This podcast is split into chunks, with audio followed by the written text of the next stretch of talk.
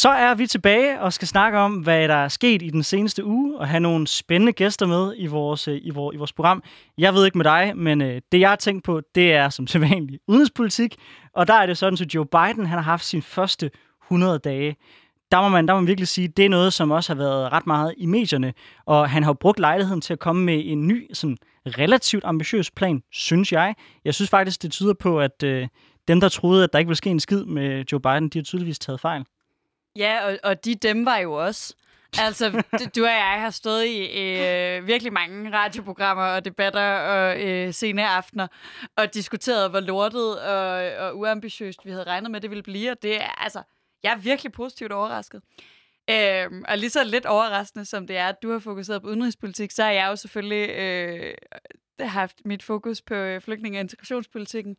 Og øh, i dag, hvor vi optager torsdag, der er... Øh, hvad hedder det, vores udlændingeminister og vores øh, udviklingsminister jo lige vendt hjem fra Rwanda med et lovforslag om, at vi nu skal have asylbehandling i, i andre lande end i Danmark. Det er, det er interessante sager, vil jeg sige. Jeg er også enormt spændt øh, på det, altså både fordi jeg tror, det kommer til at skabe meget debat, men jo også fordi, at hvis de har fundet en god løsning, så kunne det også være noget, der kunne være en game changer øh, for dansk udenrigspolitik generelt. Så på den vis, så tror jeg faktisk, det bliver en interessant debat. Nok også en debat, vi kommer til at tage her. Men hvad trigger dig? Jamen, jeg tror, det, der trigger mig den her uge, det er, at, øh, at jeg ikke bor i Norge. Altså, fordi i Norge, der er selv de konservative så progressive, at de er klar til at afkriminalisere øh, narkotika. Øh, og jeg tror, jeg har sådan en, jeg ville sådan ønske, at jeg boede i et land, hvor det var det niveau, vi talte på, hvor vi talte om, om de her øh, sociale problemer og bragte nye løsninger ind. Og jeg skal være den første til at indrømme, at jeg er, øh, jeg er en af dem, der, da jeg startede i politik, virkelig ikke kunne se logikken i øh, så meget som at afkriminalisere øh, cannabis. Men jeg har jo med tiden øh, lært, hvor stor en udfordring det er for folk, der har et problem, enten med cannabis eller med hårde stoffer, at de samtidig bliver gjort kriminelle af deres øh, forbrug eller misbrug. Og jeg synes, det er så fedt, at man er klar til at rykke på det her i, i vores naboland, øh, som generelt på mange af den type dagsordner er, er ofte er to skridt foran os. Jeg synes, det er så ærgerligt, at den danske højrefløj og det danske socialdemokrati øh, ikke nødvendigvis er med på den. Jeg tror egentlig heller ikke, mit eget parti er med på den. Mig bekendt er det kun Enhedslisten og Liberal Alliance. Og jeg synes, det er en mangel på sådan, øh, ja, på øh, progressiv politik i Danmark, og på at øh, benytte de løsninger, øh, som man flere steder har kunne se virker, og som jeg tror på er, er nødvendigt at tage nye løsninger i brug øh, over for nogle af de her problemer.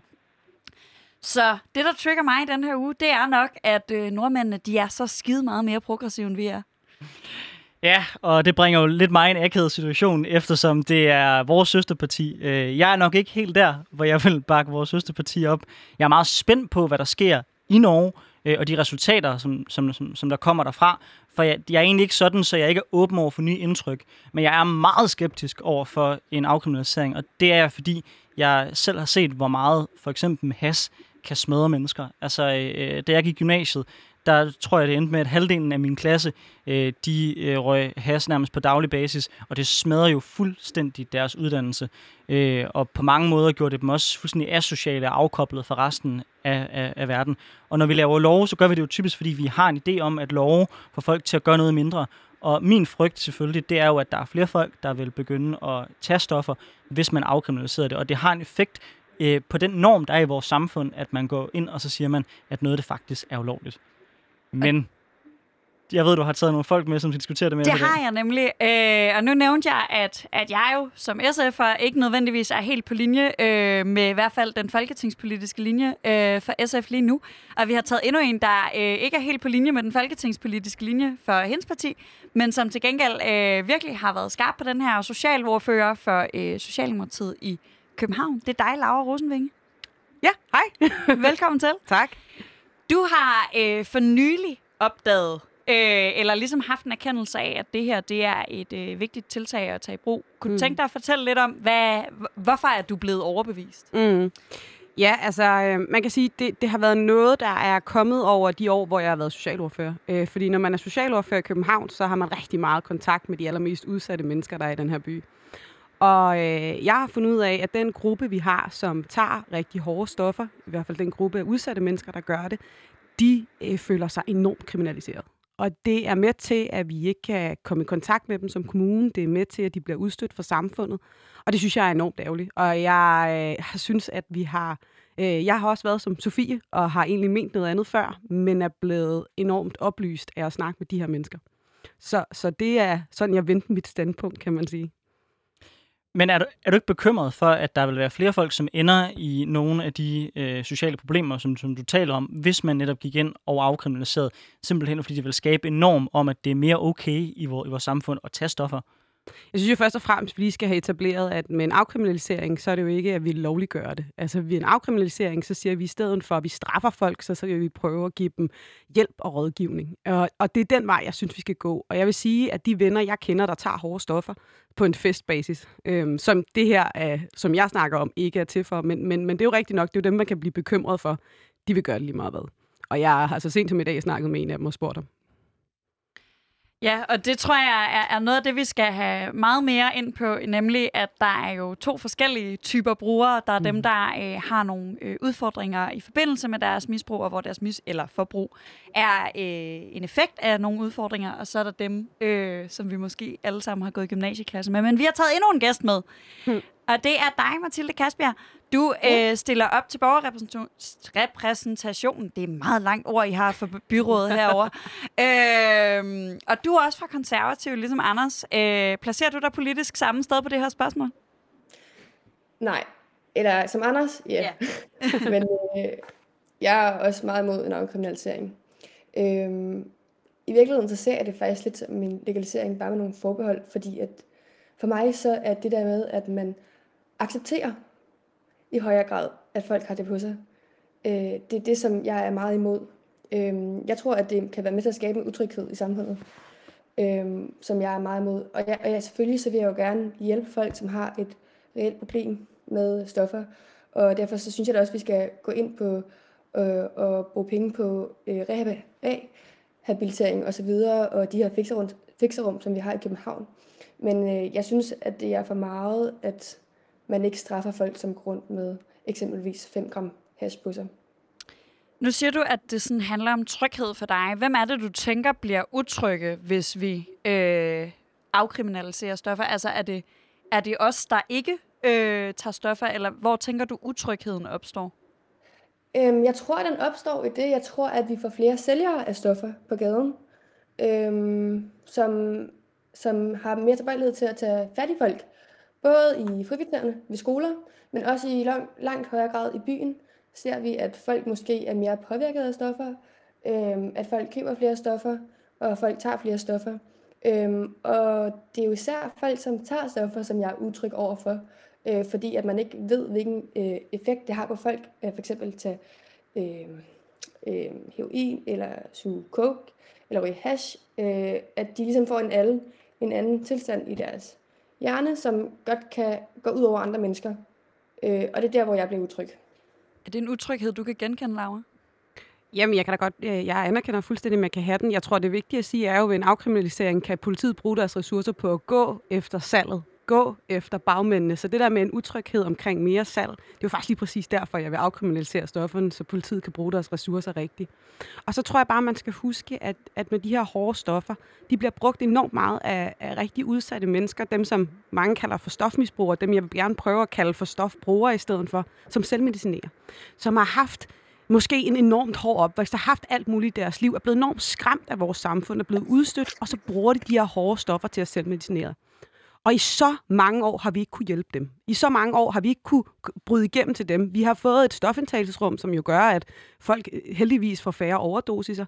Men, men vi har jo kunne se, at i Portugal, der er folk begyndt at tage færre stoffer, efter at man har fået afkriminaliseret stofferne. Men det, man også har gjort i Portugal, det er jo netop at kombinere det, som du også siger, med en indsats, hvor man bruger langt flere kræfter på også at sørge for at få folk ud fra de miljøer. Eksempelvis så har man stor erfaring med, modsat i Danmark, hvor vi generelt set bare siger, okay, fint, nu prøver vi at hjælpe dig med det, og så øh, lader vi folk sive tilbage igen til, det, øh, til den baggrund, de var i før. Så har man i Portugal gjort rigtig meget for simpelthen bare flytte folk ud fra det miljø. Er det ikke nærmere sådan nogle ting, vi skal, vi skal se på? For jeg er sådan set ikke imod mange af de erfaringer, man har i Portugal. Jeg synes bare, man skal passe på med at sige, at i Portugal har man afkriminaliseret, mm. derfor må det være årsagen. Fordi det var jo en mm. stor palette af forslag, man kom mm. med i øh, på, på Portugal, hvor langt de fleste jo ikke handlede om afkriminalisering, men handlede om alle de andre tiltag, som jeg er meget enig med dig i, har været underprioriteret ja. i mange år. Og det er fuldstændig enig, Anders, men jeg tror ligesom, at det er rigtig svært at gøre alle de andre ting, hvis det stadig er kriminelt at tage stoffer. Det bliver så svært at bryde igennem til de her udsatte mennesker. Det bliver så svært at lave relationsarbejdet. Og det bliver så svært at lave alle de andre trin, du gerne vil, hvis det stadig er kriminelle mennesker, vi snakker om. Det er jo også derfor, jeg tror, man kan sige, at i dag gør vi jo også det, at vi jo giver folk rene stoffer, vi giver folk metadon, og vi giver folk lægeordineret heroin. Og, og øh, den ordning er ikke blevet evalueret i al den tid, den har været, i de 10 år, den har været her. Og det tror jeg i høj grad handler om, at vi jo vender det, det, det blinde øje til, eller vender vores øjne til at lukke øjnene. Det er vi gode til i Danmark, hvis der er noget, vi synes er lidt utrygt, og noget, vi er bange for. Fordi så, det er kriminelt. Og, og det er bare en stor stigmatisering, så jeg tror, hvis vi, for du har jo helt ret, vi skal bruge alle de der ressourcer, og det er jo også derfor, jeg siger, det her det er jo ikke noget, jeg foreslår, fordi jeg mener, at vi skal lade folk tage stoffer inde på ved siden af.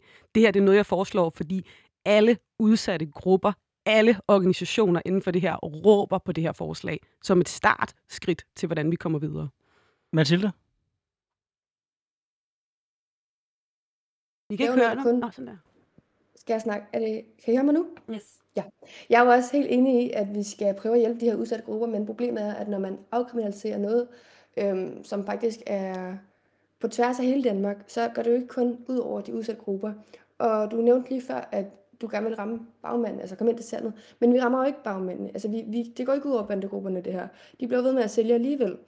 Øh, jeg mener, at kriminalisering er præventiv. Øh, og øh, jeg synes ikke, at vi skal have, at, altså, at hård narkotika går hen og bliver et, altså et gængs, altså nogle af de gængs rusmidler.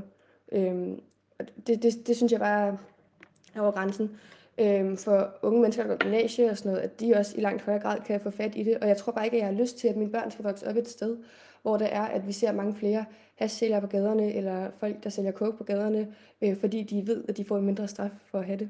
Mm. Tak. ja, det, man skal lige finde ud af formatet her. Jeg synes bare, det er så vigtigt at etablere det her med, at vi gør det jo ikke lovligt at sælge. Altså, det, det, det, det er virkelig, virkelig vigtigt at få etableret. Det bliver stadig ulovligt at sælge. I stedet for at gå efter misbrugeren ud på gaden, eller forbrugeren ud på gaden, så går man bare efter dem, der sælger det. Og det er jo det, jeg gerne vil. Jeg vil gerne have det dem, fordi det er rigtigt, der skal være færre bagmænd. Der skal være færre bander, der gør det her. Men vi er nødt til at bruge ressourcerne rigtigt. Og så vil jeg så sige, med hashen, det er jo, nu, nu, nu snakker vi om hårde stoffer her. Det er en helt anden diskussion, tror jeg, det her med, hvis vi skal begynde at diskutere hash.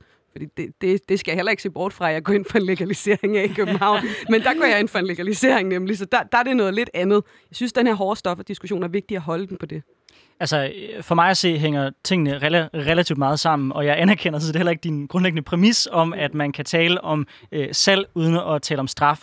Fordi hvis de folk, der skal hen og købe øh, stofferne, de er mindre bange for, at de kan få en straf for det, så gør det jo også, at det er mere attraktivt at sælge. Og det er jo også sværere for øh, politiet at gå efter de folk, der sælger, hvis de ikke på samme måde som i dag kan, kan, kan sige, okay, har du stoffer på dig, så kan vi rent faktisk ramme dig på det.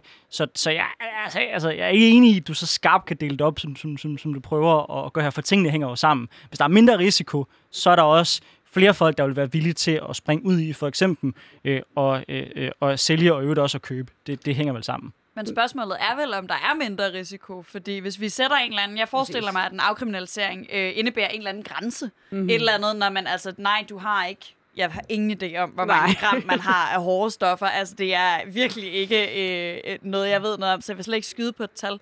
Men du har en eller anden vis mængde på dig. Det har du ikke, øh, hvis, du, hvis det er til eget forbrug. Det har du kun, hvis det er til salg, eller hvad ved jeg. Du går heller ikke rundt med hele dit lager af heroin øh, rundt i byen øh, hvis ikke det er, fordi du ønsker at sælge. Så altså, jeg har ikke helt den der frygt for, at det bliver svært at skelne mellem, hvem der vil sælge, og hvem mm. der ikke vil. Nej. Jeg, jeg, jeg er helt enig, Sofie. Det var faktisk nogenlunde det samme, jeg ville sige. Jeg tror også, det er jo også det her med at sige, det er jo ikke fordi, det er uden sanktioner, hvis du har noget på dig. Du skal jo stadig ind foran, altså i Portugal foregår det sådan, at man kommer ind foran sådan en lille udvalg, så sidder der måske en psykolog, så sidder der en, der ved noget om stoffer, så sidder der måske en betjent eller andet. Og så sidder de og finder ud af, hvad er løsningen for dig så? Ikke? Altså hvad, hvad er det? Er du måske en, en, en bruger, der har selvmedicineret dig selv i rigtig mange år, og ikke bare lige kan trappe ned fra den ene dag til den anden? Det er jo det, man gør i Sverige. Der, Sverige er jo helt galt på den faktisk. Sverige er det jo sådan, at hvis du bliver taget med nogle stoffer, så bliver du sendt på afvænding med det samme hvad ved vi om stofforbrugere? Vi ved, at du kan ikke bare komme på afvinding med det samme. Så de har en masse, der dør af overdosis og dør ude i svenske skove. Altså det er, er at kunne flygte fra det her afvinding. Så, så, så, så det er meget den der anerkendelse af, at, at, at det her eksisterer. Og at, at, jeg har det sådan, jeg kunne godt tænke mig også at spørge, fordi øhm, jeg tror også, det grundlæggende, der fik mig til at ændre holdning på det her, det var meget det her med, at det er det, det alle, altså den store gruppe af brugere, som er ja, det man kalder for misbrugere, det der er for brugere, bruger det her, de, de siger alle sammen, det vil hjælpe med en afkriminalisering. Det vil være sådan, vi kan komme tættere på samfundet. Og ligesom at I hører på de små erhvervslokaldrivende, der kender jeg jer godt nok til de konservative. Det er sådan, I fører politik, det er at lytte til dem. Hvorfor vil man så ikke her lytte til de udsatte borgere? Hvis for lige at være lidt fræk. Bare lige... Jeg kan godt svare, men jeg tænker, at Mathilde også skal have mulighed for, for ja, at sorry, Mathilde. Jeg glemmer at kigge på dig, fordi det er, når der er sådan... Altså, jeg ville da også ønske, at vi fjernede fartgrænsen, sådan så jeg kunne komme hurtigere på arbejde nogle gange. Men det gør vi ikke, fordi at jeg udsætter andre mennesker for fare, hvis det er at køre over fartgrænsen. Det er faktisk lige meget, hvem, om, for mig er det lige meget, om folk sælger eller tager det. Men når de tager det, så er de jo, altså, så, udsæt, så kan de reelt set udsætte andre mennesker for en utryghed og Ja, okay, jeg ved det ikke. Jeg, jeg, jeg, jeg færdes faktisk tit på Vesterbro, og jeg elsker, at vi har fikserummene, men, øh, men jeg tør ikke gå forbi. Men Mathilde, jeg har hver gang jeg gik forbi. Er der, ikke forskel, er der ikke forskel på at køre for stærkt, hvor du netop siger, at du bringer andre i risiko, og så at du tager stoffer, hvor jeg tænker, folk, der argumenterer for en afkriminalisering, vil, vil sige, at du skader faktisk ikke andre end dig selv. Er der ikke forskel på de to typer kriminalitet? Nej. Jo, i princippet er det, fordi jeg, jeg, der er større chance for, at jeg nok rammer nogen, hvis jeg kører for hurtigt. Øh, men øh, som sagt, jeg tror også, at normale gymnasiedrenge kommer til at tage flere stoffer. Og hvis du møder en gymnasiedreng på en klub, der har taget for meget coke, så, så er der stor chance for, at man bliver, altså, at, at man ikke får det så sjovt bagefter. Ligesom at jeg heller ikke skal konfrontere nogen, som jeg ikke ved om på stoffer eller ej, men hvis jeg kan se det på dem, så konfronterer jeg dem selvfølgelig ikke. Så bliver jeg utryg. Øhm, jeg synes, det skal kriminaliseres fuldstændig fordi at det ikke er godt at stoffer. Øh, og bare fordi noget ikke er godt, og vi ikke kan finde ud af at håndtere det ordentligt, så skal vi ikke gøre det lovligt, eller gøre det mere tilgængeligt, eller gøre det mere acceptabelt. Og jeg ved godt, at en afkriminalisering ikke er, at det bliver fuldstændig lovligt, men, men jeg synes, der skal være en straf for det, fordi at, altså, jeg synes, narkotika skal være ulovligt. Hårde stoffer skal være ulovlige at tage, fordi jeg synes ikke, at det er, altså, det er usundt for en person, men du sætter også andre menneskers far, eller øhm, velvære i risiko. Laura, nu, øh, nu spurgte du mig tidligere, om øh, det ikke var vigtigt at lytte til nogle af de folk, der var brugere, og vi lyttede til erhvervslivet. Jeg vil faktisk sige, at det, der gør mig konservativ, det er netop, at jeg ikke mener, at man skal lytte til nogen snævre grupper, men det er vigtigt, at man ser helheden i den konsekvens og de lovindgreb, som, som man laver, eller i det her tilfælde, de, øh, de hvad kan man sige, de socialpolitiske beslutninger, som, som man tager.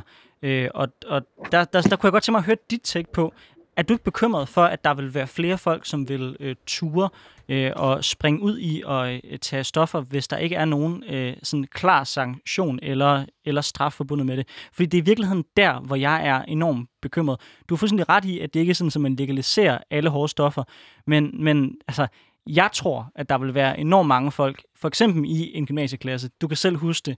Man er lidt ung, man er lidt kodet, man øh, har lyst til, nu skal det virkelig ske et eller andet.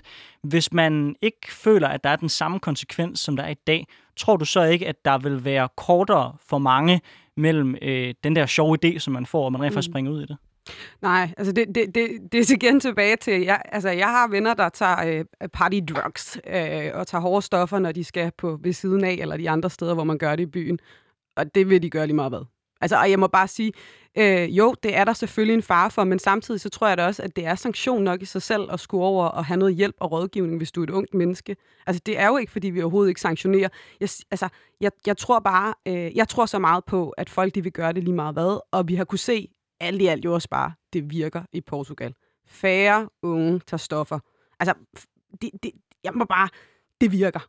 Så, så jeg, jeg har meget, meget svært ved at skulle se et, øh, det der skræmmebillede med, at så begynder alle bare at tage stoffer. Det tror jeg ikke. Det er stadig kriminelt at, at sælge stoffer. Det er bare ikke kriminelt at have det på sig. Ja, Sofie. Nej, men, Nå, nej, nej, undskyld. Ja, okay, godt. Sådan der, Laura. øh, nej, men jeg tror også bare, altså jeg er helt enig med dig, men jeg tror også bare, jeg vil tilføje til din, din bekymring, fordi den bekymring tror jeg også, jeg selv har haft, og måske også har, når vi taler legalisering af cannabis. Øh, men i forhold til det her, jeg tror ikke, det, der afholder unge mennesker fra at tage stoffer i byen, det er, at det er kriminelt at tage stoffer. Jeg tror, øh, det, der afholder folk, hvis det ikke er, at de bare ikke har lyst, det er, at det er en shady situation at købe det. Det er ulovligt at købe det. Du skal ud øh, hos en fyr, som du ikke lige ved, hvem er, og som nok er tilknyttet bandemiljøet. Og alt det vil jo ikke forsvinde. Jeg tror ikke, det, der mm. afholder folk fra at tage stoffer, det er, at det er kriminelt i det, de gør det, fordi det er så sjældent, man bliver... Altså, mm. at, at du bliver opdaget, hvis man skal altså, sige det sådan. Sofie, nu er der lige blevet sagt her, at, der er, at man er tilhænger af, at det skal legaliseres, for eksempel når det kommer til has. Øh, jeg hører også rigtig mange, som, som, som man siger, at det er staten, der skal kunne sælge det.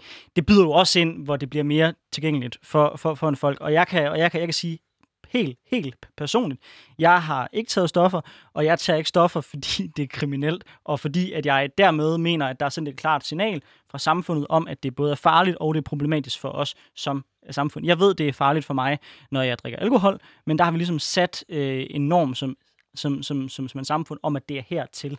Øh, jeg ved ikke, om jeg vil kaste mod i at tage ecstasy eller Emma, hvis det ikke var ulovligt, men jeg tror, at det har en påvirkning på de generelle normer, fordi der er, altså, jeg føler, man træder over en ret voldsom grænse, når man begynder at træde ind i noget, der er ulovligt. Mm. Og, og det afholder altså bare ret mange mennesker fra, fra at gøre ting. Der er mange ting, jeg ikke vil kaste mig ud i på baggrund af, af hvad vi som samfund har lovgivet os til.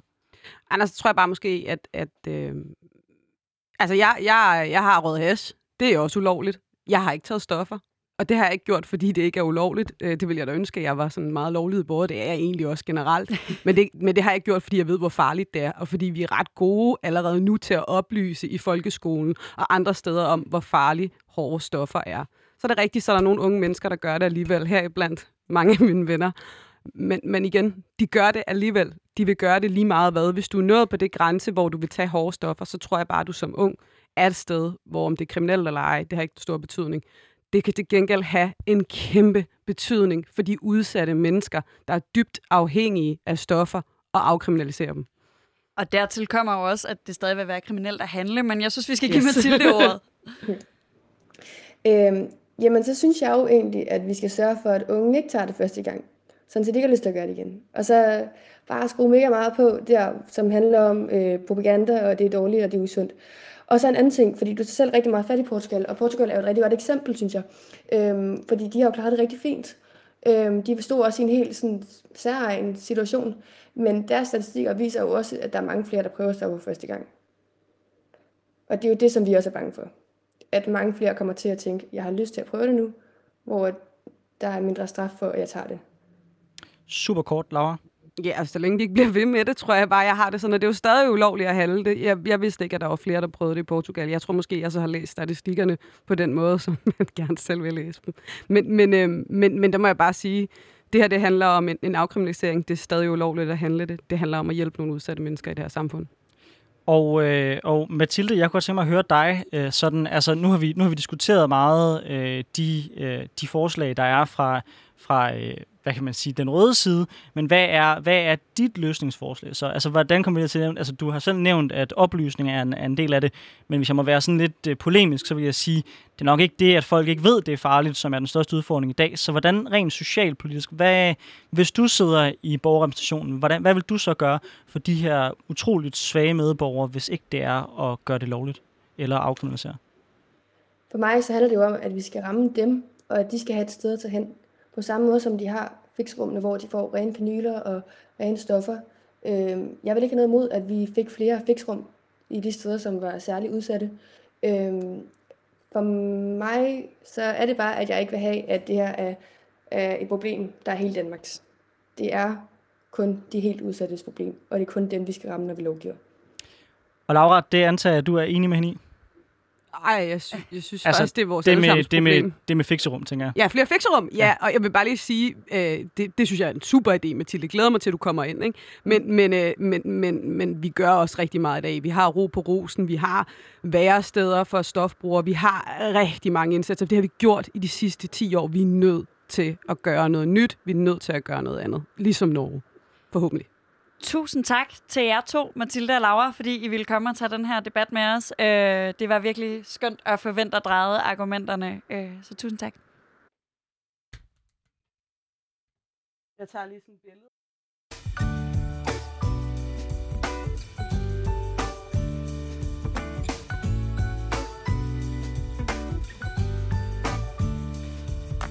Nå, det var vist det, som man kalder for en ungdomspolitisk klassiker, det her med at snakke afkriminalisering eller legalisering. To begreber, der ofte bliver, bliver blandet sammen.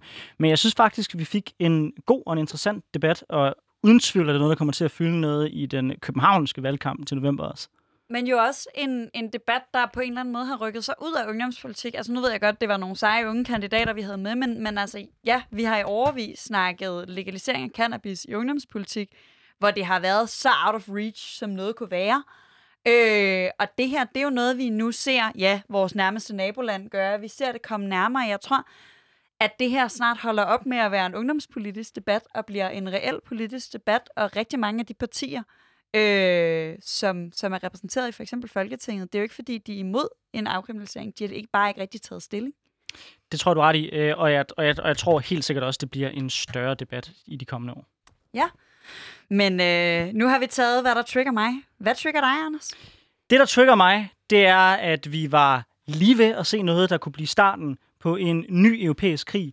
Det er nemlig sådan, at for øh, få uger siden, der begyndte russerne at mobilisere langs den ukrainske grænse. Og jeg ved godt, det er en lang og en kompliceret konflikt. Heldigvis har vi en, der gør os klogere på det senere. Men for at give en short summary af, hvad situationen er. I 2014, der valgte øh, russerne, på grund af, at, øh, at ukrainerne havde valgt en demokratisk valgt præsident, der ikke ønskede, at man skulle være tættere med Rusland, øh, så valgte russerne pludselig at besætte Krim. Og Vesten, i mine øjne, kiggede den anden vej, så i dag så har Rusland kontrol over den halvø. Samtidig så man, at grønne mænd poppede op i det østlige Ukraine, og der har faktisk været krig mere eller mindre siden da. Der har været en, øhm, en ceasefire, som har gjort, at man, altså en, en kort fredsaftale, hvor man har sikret, at det ikke er gået helt amok, men konflikten har sådan set fået lov til at bulre lidt.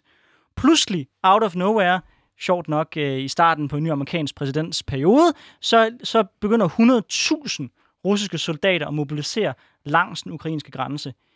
Heldigvis vil jeg sige, så valgte de europæiske lande at svare tilbage ved at begynde at rasle med sabel den anden vej og sige, prøv at høre, hvis I invaderer resten af Ukraine, så kommer vi altså e-, efter jer. Men det var enormt tæt på. For mig at se det en reminder om, at vi har at gøre med et land, Rusland, der, ja, der, vil, der, vil, der vil gentegne hele det europæiske kort.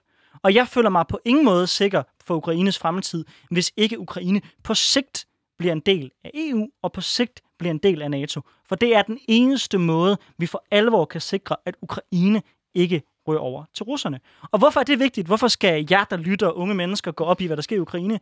For mig at se, er det rimelig basic. Rusland og Putin har sagt, at den største katastrofe, det er, at de tidligere brødrefolk, de ikke længere er under det samme flag. Hvad betyder det? Det betyder, at næsten hele Østeuropa i den russiske optik tilhører Rusland. Hvis vi tillader, at de langsomt æder unge menneskers frihed op, for det er det, de gør, hvis de overtager de her lande, så ender vi med at have meget, meget få allierede, og vi ender med at have en aggressiv magt, Rusland, på vores dør. Og når vi ikke øh, gør noget ved det i, i tide, hvem har så tænkt sig at forsvare os, når det kommer til os? Så for mig at se, at det er jo en grundfilosofi, noget jeg har talt om mange gange i det her program. Vi bliver nødt til at støtte demokratibevægelser, de vestlige sindede rundt omkring i verden, for de er i virkeligheden dem, der kæmper vores kampe på demokratiets grænser. Og jeg håber, at det, at vi viste i Europa, at vi skubbede russerne tilbage den her gang ved at sige klart fra, at det er en reminder om, at den bedste måde at håndtere autoritære regimer på, det er ved at vise styrke. For det er det eneste, de respekterer. Jeg tror ikke... Øh, og, og din sidste sætning er, er, er meget dig, men jeg tror, en, en ting, jeg virkelig, der virkelig rammer mig i din, øh, i din fremlæggelse her, det er netop den der, men da jeg, altså, da man var barn, der havde man sådan en forståelse af, at, at krig var noget, der havde været en gang. Og det er det jo, hvis man bor i Danmark, hvis man bor øh, i det meste af Vesteuropa, øh, eller i Vesteuropa generelt. Og for mig er det så skræmmende, når vi så ser de her sådan helt lavpraktiske øh, krigshandlinger, aggressioner, der handler om besættelser. Altså, der er noget sådan grundlæggende Nej, det er sådan noget, der hører fortiden til for mig. Øh, og, og på den front er jeg jo meget enig med dig i, og, og også at et hvert folk øh, bør øh, få hjælp, hvis deres selvstændighed øh, udfordres. Øh, så jeg er meget med dig på bekymringerne.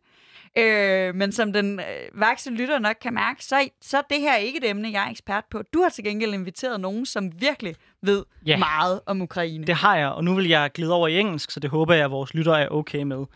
Because with me over an, an connection, I have uh, Arthur uh, Karitonov. I'm probably butchering your name, but uh, but you are a part of the Liberal Democratic League of Ukraine, uh, and uh, with us you you are today to uh, educate us both on the political situation in Ukraine and what impact the Russian military buildup had internally in Ukraine, but also just low key to explain more more about how it felt as a Ukrainian uh, to witness the Russian buildup. First of all, welcome, welcome, welcome to the program. Uh, hello everyone. I'm extremely great, great uh, glad to be with you tonight. And yeah, like talking generally what is going on in Ukraine. Let's say uh, let's begin from the very simple point. The war is here for last eight years. Our territories are occupied. Crimea, parts of Donbas region, and we are very used to the war. And it's not like something, you know, you could feel from the Western perspective that the war isn't going temporary somewhere or something is going on. No, like it's the real war which which is ongoing and people are dying every day. We are losing soldiers every day. And for us, it is a reality. Our neighbors, our families, our relatives, people we know are going to the West to join um, the army as um, uh, volunteers or like uh, people soldiers. And as a result someone could be killed. And uh, you know it is something like very very terrible. We are very used to the fact we haven't war. And we are checking our facebook uh, feed and looking here there and could see the pictures of the same people we are the same age. But that guys are already killed by Russian military forces. So it's not something like very new. And I'm a bit surprised to see that right now, for example, in the Western media, media we could see so many attention to the point. It's of course very great that people in the West finally started to talk more about it. But other from other point, it's very important also to give very clear message that it is not something very new and actually nothing will be changed so we shouldn't tolerate the fact that our territory is already occupied. Well, as the viewers know, uh, I completely agree with you on that point. And if it stood to me, we would increase our sanctions on every Russian soldier had led Crimea. Uh, but that's a different uh, d- debate. If I try to play the devil's advocate and uh, look at it from a Russian perspective, then I would say many of the people who live in the Donbass, who's for our viewers the uh, very easternmost part of Ukraine, uh, many of them identify as Russians. So shouldn't Russia be allowed to defend people who are Russian more than they see themselves as Ukrainians? What would, oh, what the argument be yeah it's an extremely complicated point. I mean like not really because like let's say um, a lot of people for first of all are internal refugees in ukraine from the donbas region. So they lost homes they like lost their families and they uh, needed to move somewhere to central ukraine or western ukraine. So it's very important fact. Another point is that we still have ukrainians ukrainian citizens living uh, under the occupation regime and for them it's like actually also very complicated to explain like what is going on and how they're actually feeling with their identity. But um, we shouldn't you know take into account what they are thinking um, about identity. It is a point about uh, actually the rule of law democracy and international uh, order. Yeah? Because um, like okay maybe some people in denmark also would think that they're russian so it means that putin could go to your home start to kill you and say that it's your territory. Absolutely not. So it is actually about geopolitics. And let's say everything we are having here in Ukraine with Crimea and with Donbass, it is not like something about Ukraine and Russia. It is geopolitics. And I do not want to, you know, mm, try to repeat quotes of. Um, Russian foreign uh, minister, yeah, Lavrov. Uh, but he told it like it's not about Ukraine; it is geopolitics. And every time we are having Russian mm, army on our border, it means that Putin just want to play his game and to uh, terrify the West, to press the Western society to make more agreements. For example, to withdraw sanctions from his Kremlin regime, or for example, to push forward the idea of Nord Stream 2. But of course, obviously, it is not about only Ukraine. I completely agree with you on that point, Arthur. Uh, actually, uh, the analysis I did in Danish, I said that I believe that one of the reasons why uh, Russia withdraw many of its forces to the military bases was the fact that the response actually came a bit more swift this time than last time. Do you think that is the reason why Russia is sort of pulling down? That they wanted to test how uh, committed the, Western uh, countries were to, to, to Ukraine, or what do you think was their aim? Because apparently, if the aim was to take over Ukraine, well, that luckily didn't succeed for them. Well, like, it's important to remember that Putin is a simple KGB rat. Like he's not like China, you know, like uh, which really uh, da- will dare actually to do something very bad in the region. No, it's like Putin have no powers to make something big. Putin just could play bad game like Kim Jong Un in North Korea. So it means that like he always wanted to actually try to show that he has some muscles which um, in the deepest essence like very weak one but he always will remind that he is here here and he still has something to show. Mm, another point that for example we could have something really dangerous is that like we some some media claims that we already have nuclear powers of russia in crimea what is absolutely disgusting because like uh, one of scenario is military scenario how to liberate crimea from uh, from the russian occupation. If for example ukraine will join the international com- coalition to liberate the peninsula. But from other hand, if Putin has here uh, there are some uh, nuclear uh, weapon, it sounds like very dangerous to us. So, mm, but in any case, he's always trying to play the game. And why? As I told you before, we having the case with Nord Stream, we having the case with sanctions. But from other hand, we, for example, have Ukrainian perspective, and also we should ask why actually the news became so big in the Western media. Because the government of Ukraine uh, started to um, trans- translate this, like, you know, uh, point that uh, Ukraine is under attack of Russia. But I think it's very wrong message because Ukraine is under attack for the last eight years and it's not something new. I don't know, like, do you have in Den- Denmark this uh, fairy tale about the boy who always calling uh, wolf, wolf, but it's, it's, the same tale, and it's extremely dangerous because once we would have a, um, a case when Ukraine would really need help of the West, you know, something could go wrong. Yeah, I, I think it's uh, a very scary story uh, you're telling because, as you're saying, this is not a big deal in the Western media, and now it was, and uh, they're pulling down, and I, we didn't even hear. We only noticed because we had to, uh, yeah, prepare for this program. And uh, I would love to know how you, you feel as an Ukrainian. Do do you uh, do you feel like do you feel you do you feel secure that the West will be there when I, I fear that you don't, since you're telling the story about the boy who yelled "wolf, wolf." uh, you, you're not feeling sure that that you're gonna get the help you need. Well, I do believe in the power of West. I do believe in the power of European Union. I do believe in the power of the US and our allies all over the globe, from Japan to Australia and New Zealand. I don't believe in the power of Ukrainian government in the sense, but I do believe in the power of our army because I know that our soldiers are a very brave one, very strong one, and let's say Ukrainian military forces are, are actually quite prepared to have a real mm, counter of the Russian aggression because for the last 80 years actually they have a really great experience. Unfortunately, they have it, but it's very very prepared army. So I do believe in our people, and I'm pretty sure that all Ukraine will um, stand up to protect our territory from the Russian military aggression. But from other hand, like let's as I told you before, uh, it's very important to understand: do we really have this chances that Russia could be here? Because in Ukraine, it's very specific conjuncture of the politics. For example, we have very different parties. We have a party of Zelensky, which is trying to say that we have Russia here, like he's saying for a very first time. I'm sorry, he he, he was blind before. Uh, well, but he's, for example, saying that the West must provide Ukraine uh, a candidate status to NATO because NATO is the only solution how to prevent further Russian aggression. Yes, of course.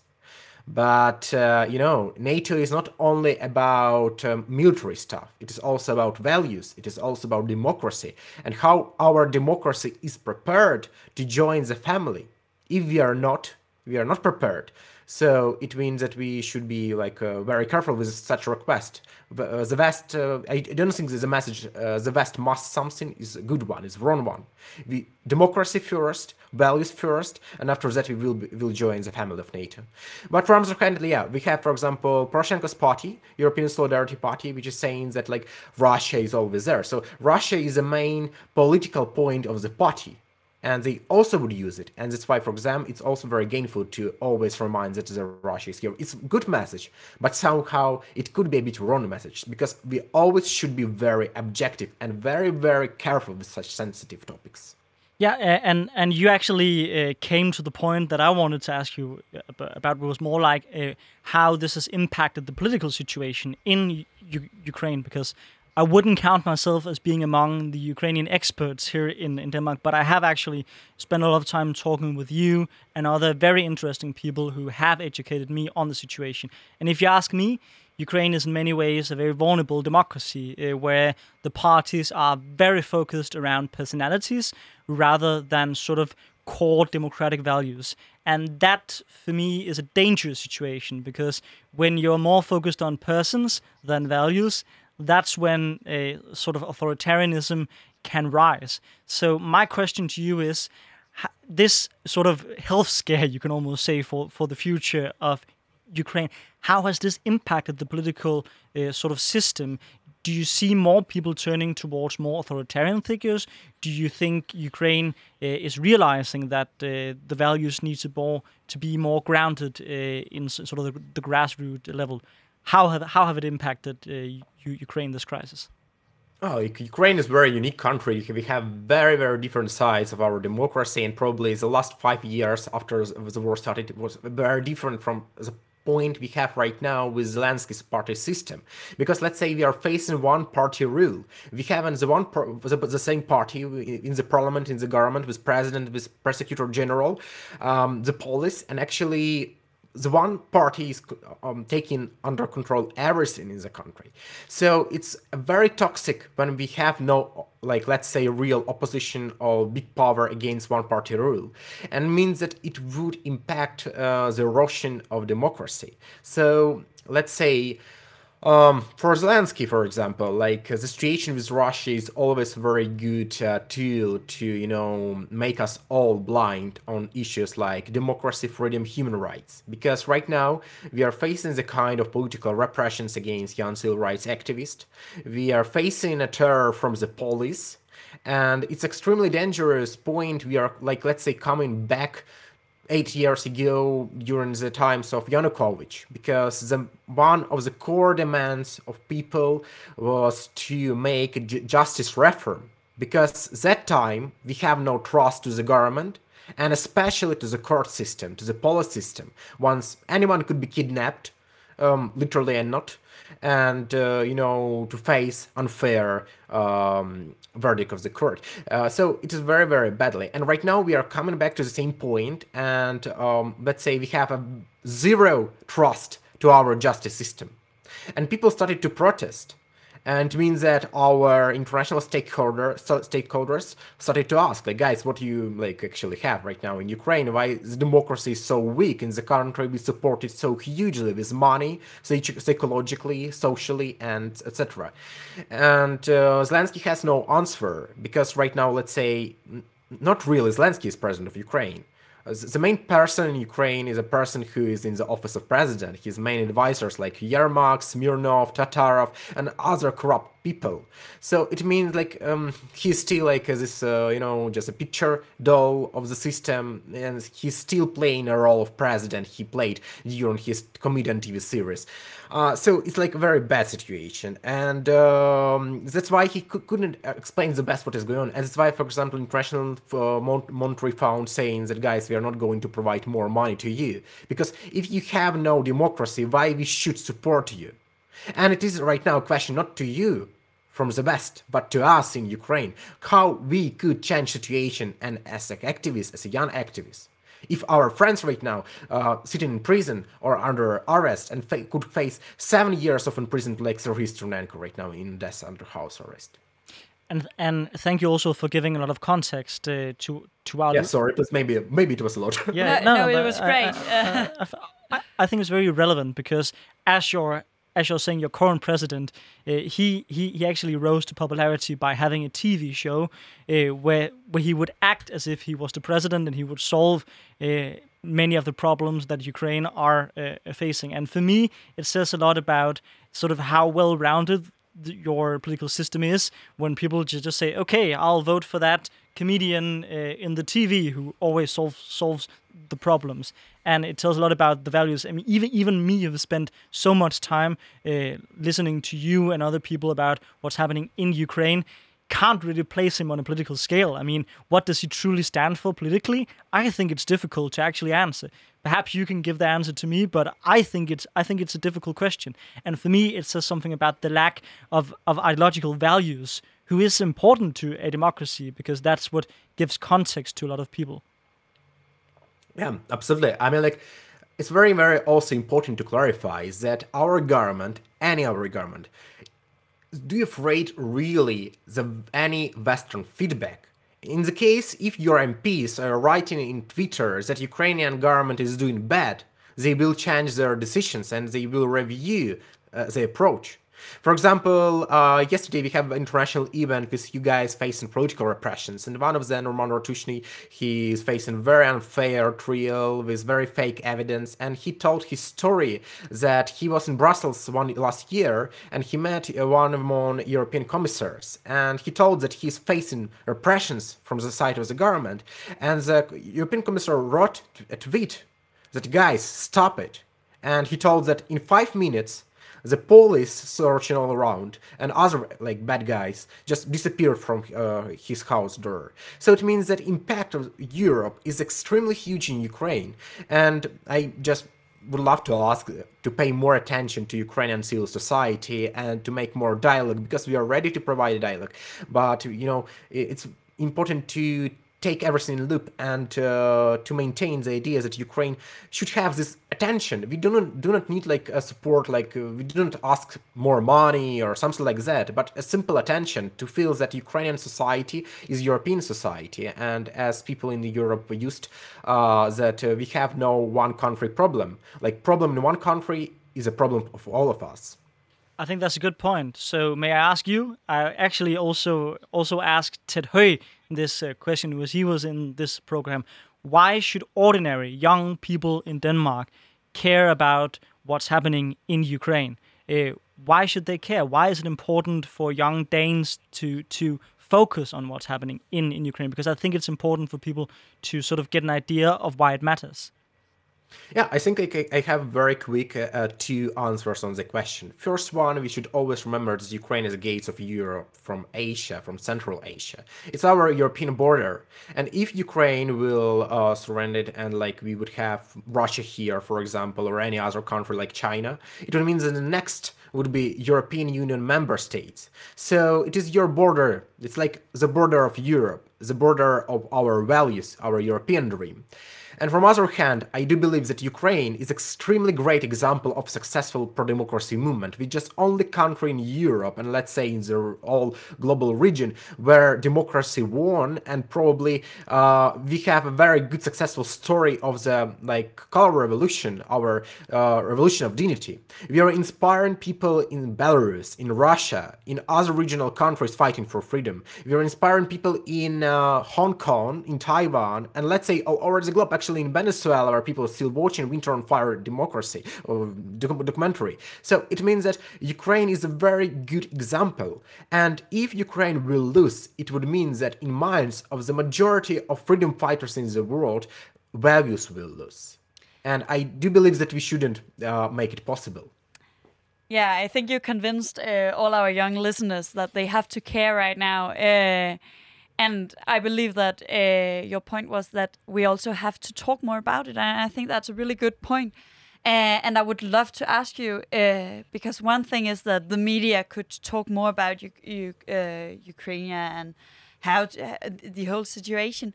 But do you think there's any way that, as a regular Danish uh, political interested young person, you can support? Your fight. You can do anything as you're standing here, but uh, because I'm pretty sure that all our listeners now really care about your situation.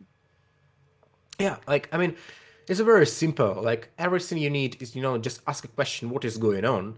And if you would find not enough information, like for example, we are having in the case of Southeastern Renanco, like extremely controversial from one side, from other side is absolutely not controversial case. But I mean, like if you have some questions, please let's make more content. Let's invite more activists to uh, the events like that one, and let's discuss it. Because I'm pretty sure that the majority of young activists are actually um, quite good in English and they could explain. So just just google it. Just watch something. Just ask question. Just pay your attention and it would be enough.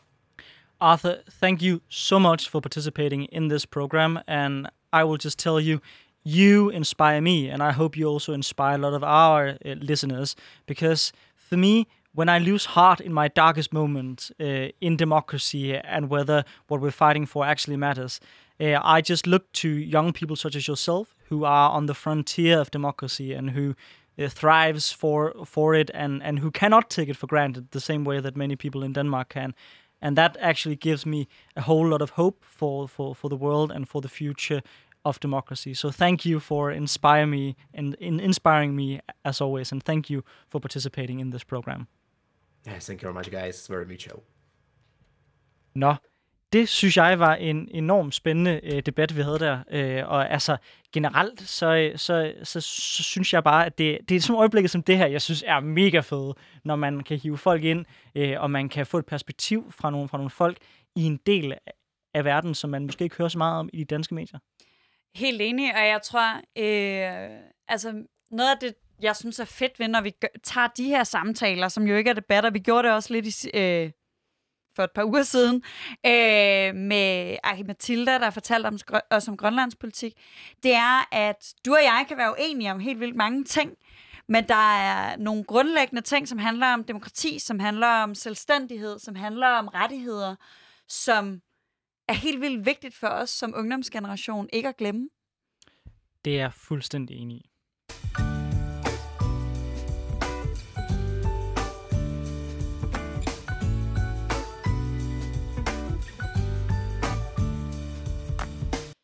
vi skal jo også kigge lidt ind i krystalkuglen i forhold til, hvad der kan gå hen og blive de store sager i den kommende uge. Altså, øh, og der er vi igen lidt i den der sjove situation, men vi optager her øh, torsdag, det her det bliver spillet søndag, og jeg er sikker på, at alle jer lytter med nu, I ved langt mere om, hvad der, hvad der kommer i forhold til Socialdemokratiets øh, flygtningeudspil, men øh, jeg vil gerne allerede, allerede nu spå, at det er helt sikkert noget, vi kommer til at skændes, ikke bare næste uge om, men den næste måned. Øh, så det er det, jeg holder øje med, og så øh, selvfølgelig øh, endelig slagsmålet om landbrugspolitikken, som vi har talt så længe om, vi komme. Så meget, ja. Jeg, jeg føler virkelig, at Socialdemokratiet puljer de her ting, fordi jeg er også sikker på, at debatten om øh, flygtningen, der skal sendes tilbage til Syrien, ikke er slut, og også kommer til at, at fylde i den kommende uge. Så der vil være godt med fokus på flygtninge, på integration, og øh, forhåbentlig på den der skide landbrugspakke, som jeg i hvert fald ikke er spor imponeret over, det Socialdemokratiet er nået frem til. Ja, nu nåede vi jo egentlig ikke at diskutere den særlig meget. Vi kom faktisk ikke ind på den i forhold til, hvad der var sket i den her uge, men sådan ganske kort, så har de jo fremlagt reduktioner på øh, 7 millioner øh, øh, tons, hvis jeg husker korrekt, øh, hvorimod at støttepartierne vil have 8. Man kan så også sige, at det, de primært kritiseres for, som jeg synes måske er reelt, det er, det er lidt fugazi-tal, hvor det er sådan noget med, at teknologien kommer ja. måske at redde os en gang i morgen, ikke? Det er nemt at sige, at man har øh, reduceret med en eller anden mængde ud fra nogle teknologier, man ikke har udviklet endnu. Det er måske lige kægt nok. Altså, jeg sad og tænkte, at det var bare sådan en stor tanke, jeg havde. Jeg har ikke fået formuleret den yderligere, men som egentlig bare var at tage regeringen på ordet og sige, okay, fint, vi tror på, at teknologien redder det. Hvis regeringen også tror på det, er I så klar på, at landbruget øh, får en bøde øh, svarende til en CO2 afgift på øh, 1.500 kroner per udledt ton, hvis de så ikke overholder det. Fordi hvis de virkelig tror på, at det her det kan løse det, så er der ikke noget problem i at lægge en, en, en, en sådan straf, hvis landbruget ikke, ikke når det. Og så vil jeg gerne vide med, at regeringen vil sige, ah, det, uha, det tør vi ikke helt. Fordi når alt kommer til alt, så tror de ikke helt på den selv, tror jeg. Nej, det tror jeg heller ikke. Jeg hørte landbrugsministeren sige noget med, at øh, i så vigtige ting, der måtte man øh, tage nogle store satsninger. Der føler jeg måske, at den store satsning, det var at gøre det nødvendige nu, i stedet for at tage den store satsning på, at der kommer en god løsning i morgen. Ja, og jeg tror, du har fuldstændig ret. Men jeg tror også, det var alt øh, for os i denne her uge. Øh, tusind tak, fordi I lyttede med. Vi er tilbage igen næste søndag mellem kl. 11 og kl. 12. Og jeg glæder mig allerede til at være triggeret næste gang, for jeg tror, der er meget at tage fat på. Tak Det fordi jeg lyttede med.